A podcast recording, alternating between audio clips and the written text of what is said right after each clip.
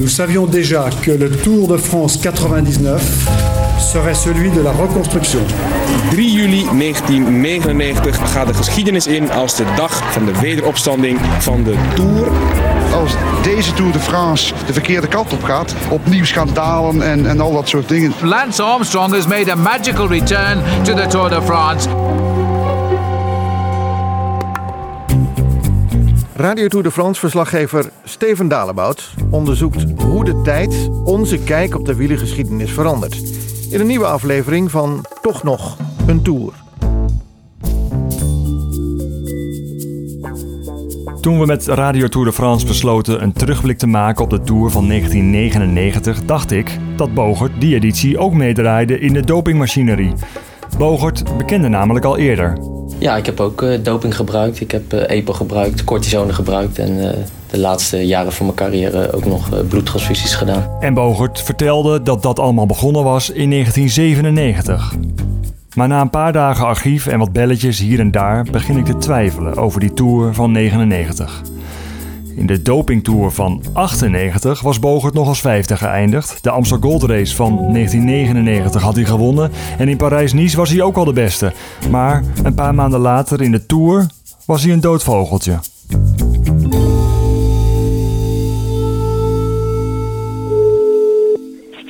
Kos. Dit is Jeroen Koster.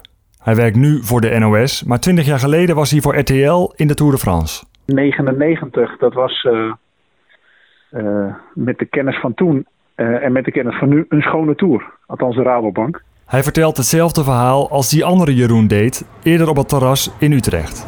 Jeroen Wielaert, verslaggever van Radio Tour de France. Rabobank reed miserabel.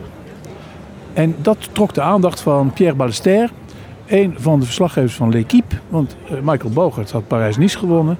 En Rabobank reed nu heel bleekjes rond. Um, ze hadden, bij wijze van spreken, nog geen aspirine bij zich.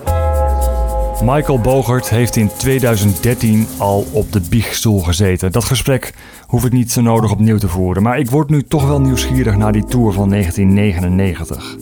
Hoe ging dat toen bij Rabobank? In 99 heb ik helemaal nul. Uh, ik, ik, denk dat ik nog geen. Wij, wij, wij, kregen nog geen vitamine B-spuit. Dus we hebben, we hebben niks, niks nul. Uh, uh, ja, nul gehad. Niks eigenlijk. geen EPO? Oh, ja, nee, nee. Als je, nou, wat ik zeg, nog geen vitamine C-tablet, weet je. De, bij ons sloegen ze echt door.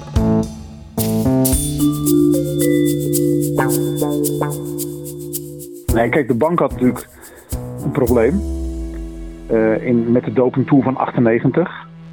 De, in die tijd waren de, de bankiers nog zelf geen boeven geweest. Hè? Dat is natuurlijk van recent, hè, van na die tijd. Maar toen moesten de bankiers nog om hun uh, triple E en hun imago en zo denken. Ook de Boerenleenbank. Dus uh, die sloegen met de vuist op tafel. er mag werkelijk helemaal niets misgaan bij ons. Want dat is imago-schade en daar staan we niet achter, et cetera, et cetera. En toen hebben zij in extremis ervoor gekozen om de hele medische begeleiding thuis te laten. En met een Franse huisarts volgens mij uh, uh, op pad te gaan uh, drie weken in de Tour.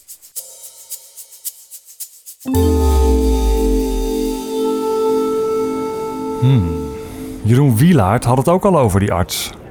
Peter Plag. Zoals L'Equipe schreef, le silencieux docteur Plag. Dokter Plag. Nou, die man die zei ook inderdaad niks. Die wist helemaal geen moer van wielrennen. Daar zou ik later nog wel eens meer over willen weten. En dus schrijf ik de naam op. Peter Plag. De Rabobank nam in 1999 een Nederlandse arts mee die praktijk had in de buurt van Amiens. Ploegarts Geert Leinders, handig met infusen, werd in eerste instantie thuisgelaten. Als jij in 40 graden een, een etappe had gereden, kreeg je in 98 kreeg ik een infuus met water. Gewoon, dus fysiologische uh, zoutoplossing. Gewoon iets wat mag.